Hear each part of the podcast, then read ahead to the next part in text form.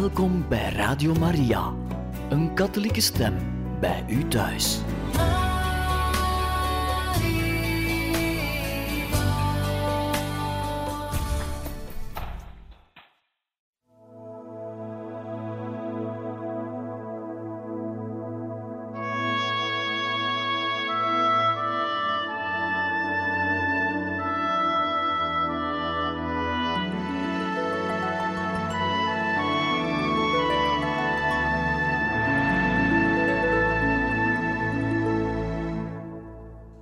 De abdij Saint-Joseph de Clairval, in Flavigny-sur-Ozerin in Frankrijk.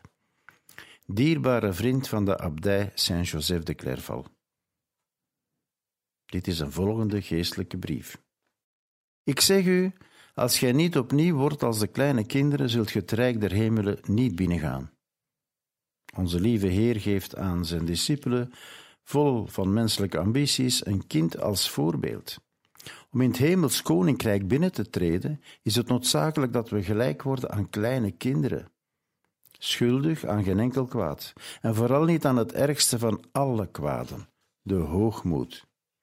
Nederigheid is een van de grondbeginselen van het christelijk leven.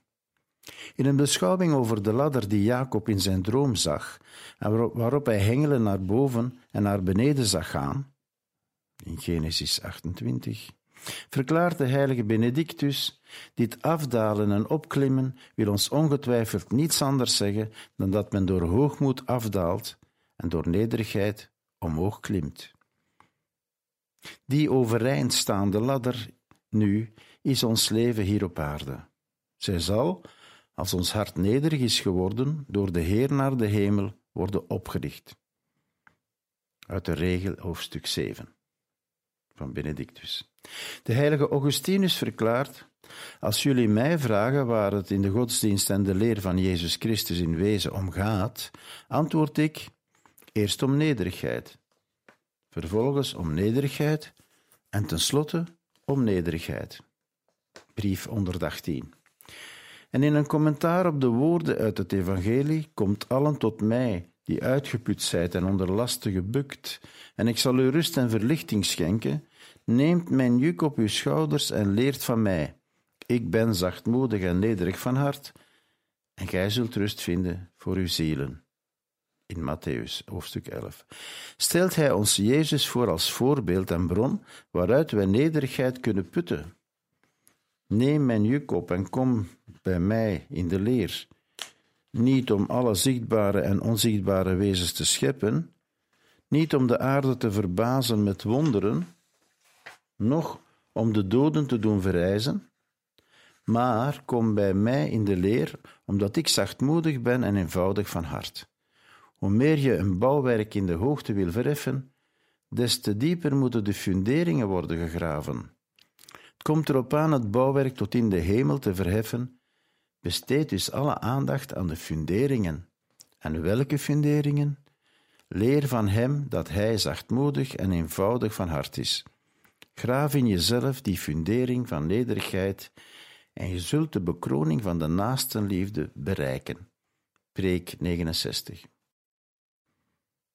Onuitsprekelijke schoonheid. Nederigheid is waarheid, kon de heilige Theresia van het kind Jezus en het heilig aanschijn zeggen. Nederigheid bestaat inderdaad uit het erkennen van iedere waarheid, ten eerste van onze hoedanigheid van schepselen, die afhankelijk van de schepper zijn. Een concreet voorbeeld van nederigheid, door de voorzienigheid bereid om tot voorbeeld te dienen, is de volgende. Zondag 7 januari 1844 komt te Lourdes, in een zeer arm christelijk gezin, in de molen van Boly, een meisje ter wereld dat Bernadette wordt genoemd. Ze zal de oudste van negen kinderen worden. Vanaf haar zesde levensjaar heeft ze astma-aanvallen, waaraan ze haar hele leven zal lijden. De heer Subiru, haar vader, werkt hard, maar de armoede brengt de familie ertoe slechts in een optrekje van een kamer, ook wel het cachot genoemd, haar toevlucht te zoeken. Bernadette houdt zich bezig met het huishouden en zorgt voor haar broers en zusjes. Ze houden alle zoveel van elkaar en bidden zo goed dat de ellende geen belemmering vormt voor het geluk van het gezin. 11 februari 1858. Het is koud in het cachot. Bernadette gaat met enkele vriendinnen stookhout zoeken bij de grot van Massabielle aan de oever van de Gave. En plotseling merkt ze in een rotsholte een buitengewone schone vrouw. Haar lichaam, dat op zicht even tastbaar is als ons eigen vlees, verschilt slechts door een onuitsprekelijke schoonheid van dat van een gewoon iemand. Ze heeft een gemiddelde lengte en lijkt heel jong. De ovale vorm van haar gezicht is van een hemelse gratie en de blauwe ogen zijn van een lieflijkheid die het hart lijkt te smelten van ieder op wie haar blik komt te rusten. Uit de vorm van haar lippen spreekt een goddelijke goedheid en zachtmoedigheid. Door een bovennatuurlijke schrik bevangen, maar van vreugde vervuld, durft Bernadette niet dichterbij te komen. Met de vrouwen biedt ze haar rozenkrans. Als de verschijning ophoudt, komt Bernadette uit haar extase en, op aandrang van haar vriendinnen, vertelt ze wat ze voor zichzelf, voor zich alleen, had willen houden. Als mevrouw Soubirou ervan hoort, vreest ze dat het een hersenschim was en verbiedt haar dochter nog naar de grot van Massabielle terug te keren. Op maandag de veertiende laat Bernadette zich door haar vriendinnen overhalen. Nauwelijks bij de grot aangekomen, kondigt de zieneres aan: Ze is er. Vervolgens loopt ze naar haar toe, sprenkelt met wijwater en zegt: Als uw naam een schot komt, blijf dan. Zo niet gaat u dan weg. En de vrouw glimlachte, zal Bernadette later vertellen. En hoe ik haar besprenkelde, des te meer ze glimlachte. Op 18 februari zegt de vrouw tegen Bernadette: Zou u zo goedgunstig willen zijn hier veertien dagen te komen? Stralend van vreugde stemt het kind toe, en de vrouw voegt er dadelijk aan toe: Ik beloof u niet in deze wereld gelukkig te maken, niet in deze wereld, maar in de andere. Op de 21ste moet Bernadette een ware menigte door om bij de grot te komen. De vrouw kijkt met een droef gezicht in de verte. Ze wendt zich tot Bernadette, bidt God voor de zondaars. De 24ste kan Bernadette in tranen voor de menigte slechts herhalen wat de vrouw haar heeft opgedragen. En dat ze met één woord samenvat: penitentie, penitentie, penitentie. Gaat drinken aan de fontein. De 25e gaat Bernadette op haar knieën voorwaarts naar het midden van de grot waar de vrouw haar is voorgegaan. Ga aan de fontein drinken en er je wassen, zegt ze haar. Bernadette krabt met haar vingers in het opgehoopte zand. En uit de diepe rots vindt een bron haar weg tot aan de hand van Bernadette. Het kind drinkt het eerste slokje van dit water op. Water dat nog modderig is, waarmee ze vervolgens het gezicht nat maakt. Maar de bron is weldra een onuitputtelijke fontein, een goddelijk werktuig van talrijke, verbazingswekkende genezingen. Op 25 maart geeft de stralende bezoekster het geheim van de grot prijs. Ik ben de onbevlekte ontvangenis. Bernadette rent naar meneer Pastoor om die zin die ze niet begrijpt voor hem te herhalen. Deze is geheel ontdaan en gelooft dan in de echtheid van de verschijningen. Het is de Heilige Maagd, roept hij uit. Vier jaar tevoren heeft Paus Pius IX inderdaad het dogma van de Maagd Maria, die zonder zonde is ontvangen, afgekondigd. De laatste verschijning van de Allerheiligste Maagd vindt op 16 juli plaats, het feest van onze Lieve Vrouw van de Karmel. Ik heb haar nog nooit zo mooi gezien, zal Bernadette zeggen. Vervolgens leiden diepgaande onderzoeken ertoe dat de bisschop van Tarbes plechtige uitspraak doet. Wij zijn van oordeel dat de onbevlekte Maria, de moeder van God, werkelijk is verschenen aan Bernadette Soubirou op 11 februari 1858 en de dagen daarna, een achttiental keren. Bij de begelegenheid van een van de verschijningen onthult de heilige maagd aan Bernadette dat zij non zal worden. Acht jaar later Nadat ze lang heeft geaarzeld bij het kiezen van een communiteit, treedt de zieneres van Lourdes, die dan 22 jaar is, in bij de zusters van liefde en christelijk onderricht van Nevers. Ik ben hier gekomen om het te verbergen, zegt ze wel eens. Ander hoofdstuk. Ga weg, het is te vroeg. De novice-meesteres van het klooster van Nevers is moeder Maria Theresia Vauzou. Onder haar kap enigszins dame van de wereld gebleven, ijvert ze voor de heiliging van haar nonnen, maar heeft ze zo haar eigen opvatting over hoe ze vooruitgang moeten boeken. Ze verlangt van hen dat ze nederig en vol vertrouwen zijn, en dat hun zielen voor haar geen geheimen zouden hebben. Bernadette, aan wie de heilige maagd verscheidene geheimen heeft toevertrouwd, die ze aan niemand mocht vertellen, komt in de ogen van moeder Overste als nogal gesloten over. De zieneres van Lourdes is volgens haar een gewoon meisje en het is van belang dat zij voor het religieuze leven wordt gevormd. De ongelooflijke gunsten die haar te beurt zijn gevallen, staan buiten kijf. Maar zij moet worden beschermd tegen de verlokkingen van de hoogmoed. In het noviciaat worden de, het jonge nonnetje kleine werkjes opgedragen. In de Eucharistie, in de sacristie, dan weer op de ziekenafdeling. Altijd bewaart ze haar vredige glimlach, maar haar gezicht verraadt de vermoeidheid. Ze bezit inderdaad meer moed dan goede gezondheid. Ze lijdt aan astma en bekend dat ze ook last heeft van buikpijn en hoofdpijn. Weldra moet ze het bed houden en op 25 oktober verkeert ze op de rand van de dood. Op aanraden van haar biechtvader vraagt ze om haar religieuze gelofte te mogen afleggen. De bisschop, Monseigneur Forçade, verleent de vereiste toestemming en gaat persoonlijk naar de stervende op haar ziekbed om haar eeuwige geloften af te nemen. En dadelijk na de plechtigheid herstelt de gezondheid van Bernadette zich op onverwachte wijze. Ik ben aan de betere hand, zegt ze met een sprankje van spijt. De lieve God wilde me niet. Ik ben tot aan de hemelpoort geweest, maar hij zei: Ga weg. Het is te vroeg.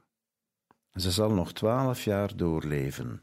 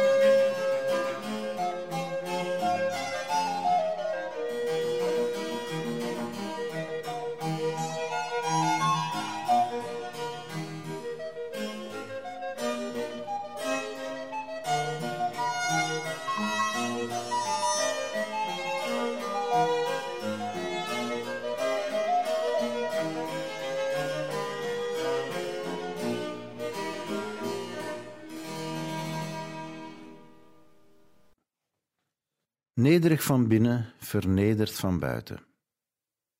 Zuster Maria Bernarda is een vurige en oplettende novice, gaat volledig op in de groep van medezusters.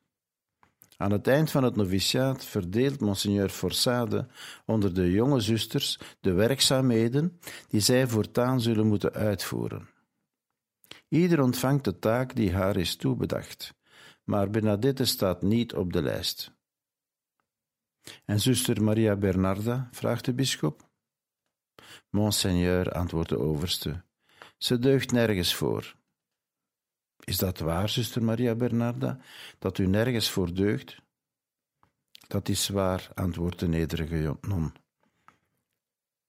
Maar wat moeten we dan met u aanvangen, arm kind? Met u goed vinden, monseigneur. Zo komt de overste tussen beiden. Kunnen we haar uit naaste liefde in het moederhuis houden en haar een een of ander werkje verschaffen op de ziekenafdeling?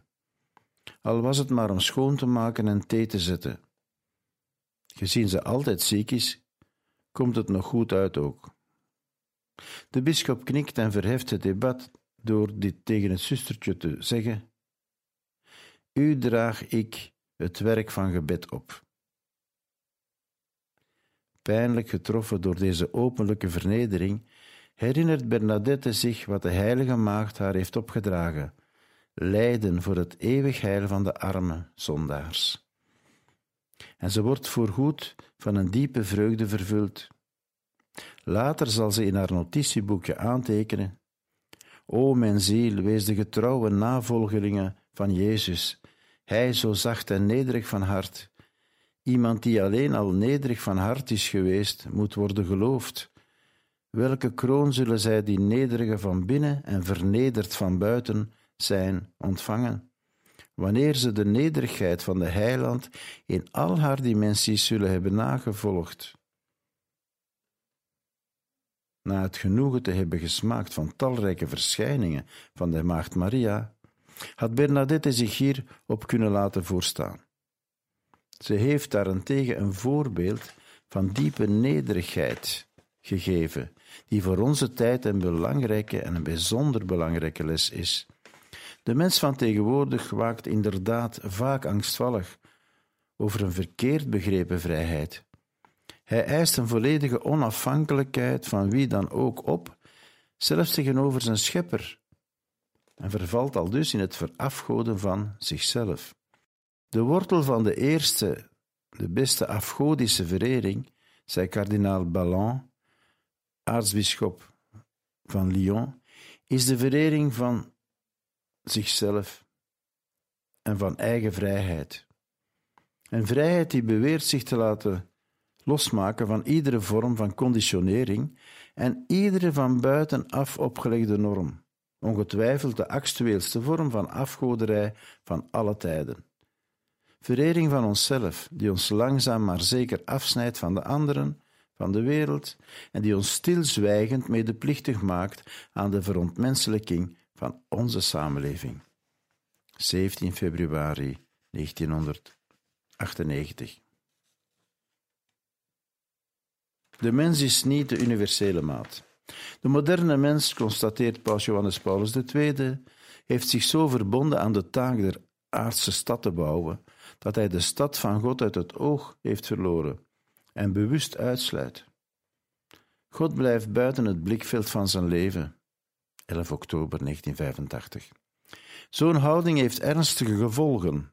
De stemmen die al dus nog steeds de Heilige Vader in de volledige morele religieuze autonomie van de mens en in een samenleving die steeds meer wereldlijk wordt, de weg zien die rechtstreeks naar mislukking leidt naar toenemende chaos, horen we steeds in grotere getalen. Uit de aard van zijn eigen wezen is de mens nog het begin, nog het einde. De mens is niet de universele maat. Hij moest toegeven dat er boven hem een tastbaar wezen staat.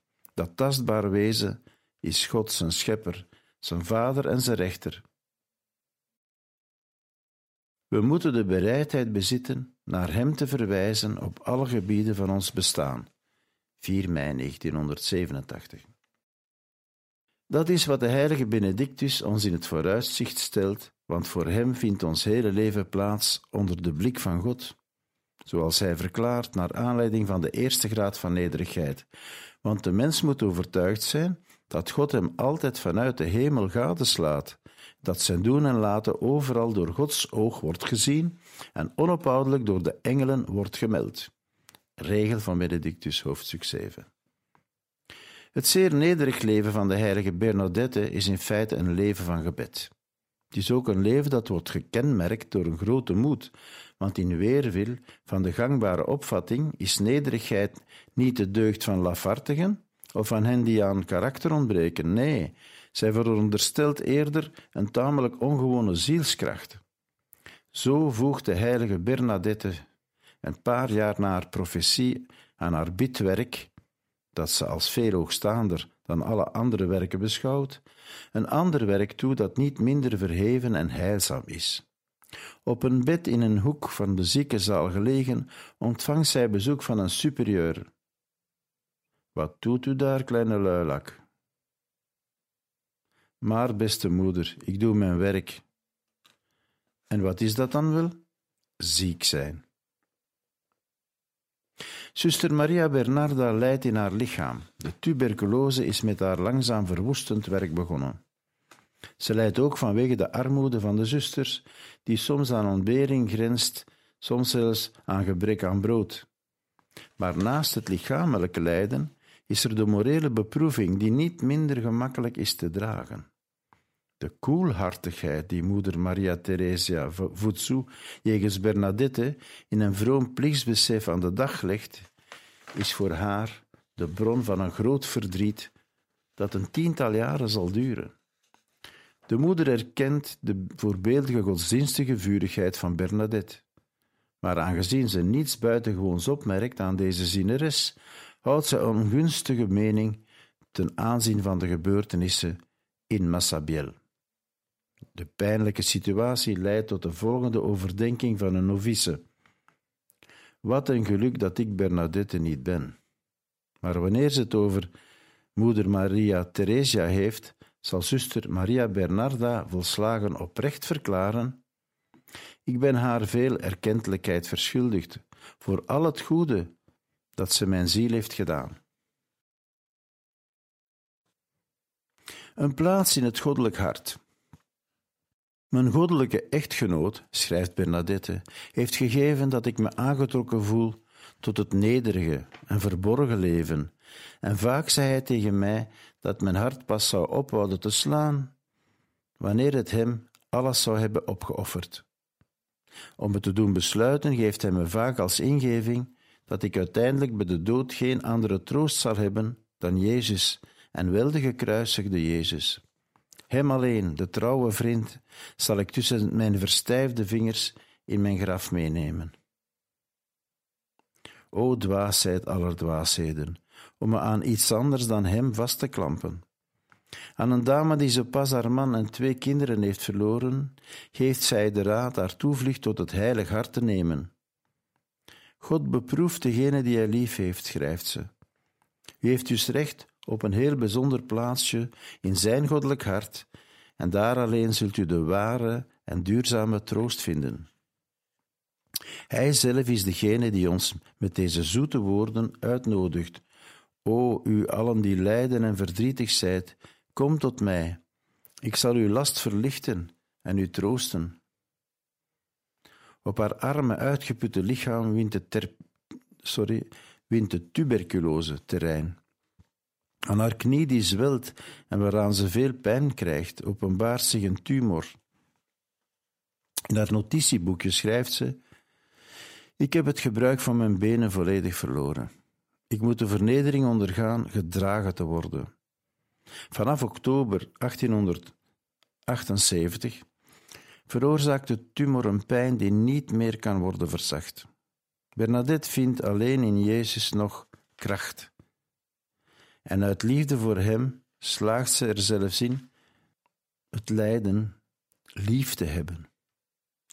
Ik ben gelukkiger met mijn Christus op mijn bed dan een koningin op haar troon, schrijft ze aan een zuster, die haar een prentje van de gekruisigde Jezus heeft gestuurd.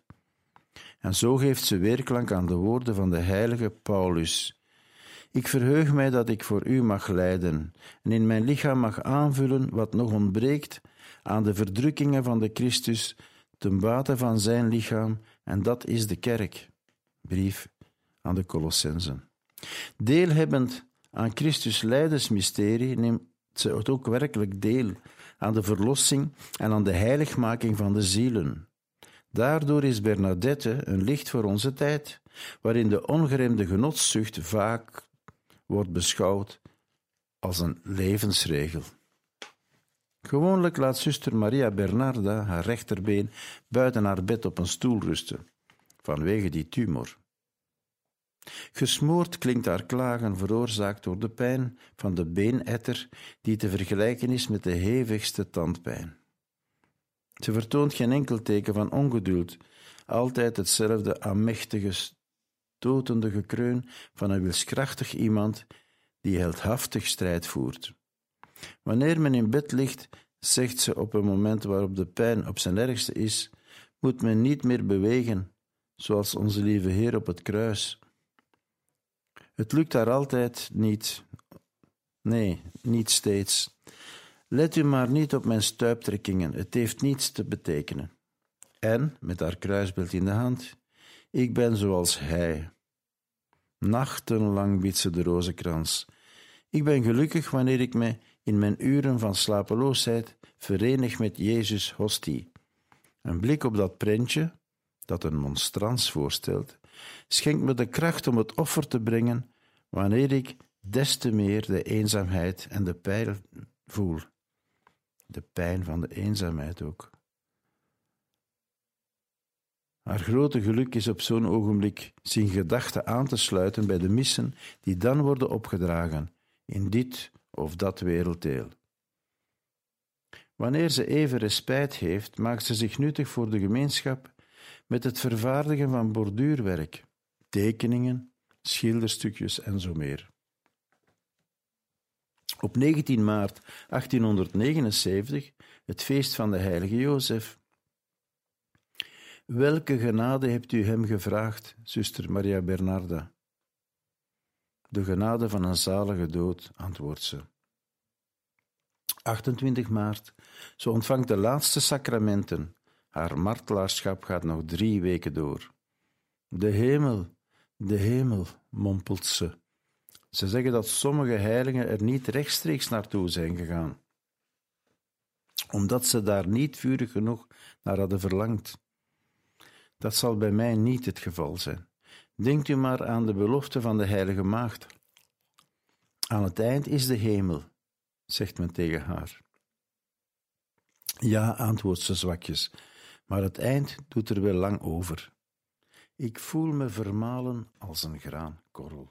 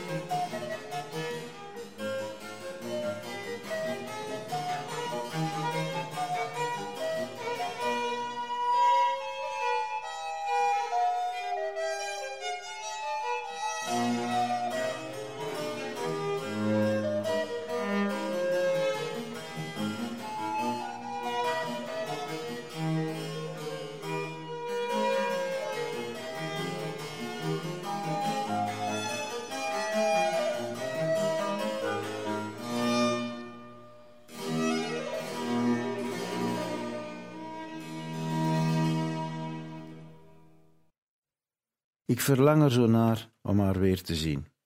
In de nacht van 14 op 15 april probeert de duivel haar tot wanhoop te brengen. Ze roept Jezus en schreeuwt: Ga weg, Satan. De almoezenier vraagt haar: Wilt u het offer van uw leven brengen? Welk offer? Het is geen offer dit armzalig leven te verlaten, waarin het ons zo moeilijk wordt gemaakt om God toe te behoren. O, hoe terecht leert ons de navolging van Christus dat we niet tot het laatste moment moeten wachten om God te dienen. Dan zijn we nog maar tot weinig in staat. De ochtend van 16 april verloopt zeer moeizaam. Zuster Maria Bernarda verkeert in ademnood. Ik zal aan de onbevlekte moeder vragen u vertroosting te brengen, zegt moeder Eleonore tegen haar. Nee, geen vertroosting, maar kracht en geduld. Ik heb haar gezien, vervolgt ze, terwijl ze naar het beeld van de heilige maagd kijkt. Ik heb haar gezien. O, hoe schoon was ze en hoe verlang ik ernaar haar weer te zien. Even voor drie uur in de middag is het een prooi aan inwendige pijnen. De zieke zuster bidt langzaam het weesgegroet Maria. Bij de woorden Heilige Maria bidt Bernadette met de zuster mee, die haar alleen verder laat gaan. Nederig en vol vertrouwen tot aan het einde zegt zuster Maria Bernarda tot tweemaal toe: Heilige Maria, Moeder van God, bid voor mij, arme zondares, arme zondares. En bijna ogenblikkelijk daarna blaast zij, blaast Bernadette, de laatste adem uit, waarbij ze het kruisbeeld tegen haar hart houdt, geklemd. Ze is 35 jaar. De heilige maagd had haar beloofd dat ze jong zou sterven. Het moment van de beloning was gekomen. Aan onze lieve vrouw van Lourdes en aan Sint-Jozef vertrouwen wij, op voorspraak van de heilige Bernadette, uw lichamelijke en geestelijke noden toe, evenals de mensen die u dierbaar zijn, levenden en overledenen. Dom Antoine Marie. Tot zover deze brief uit de abdij van Sint-Jozef van Clerval.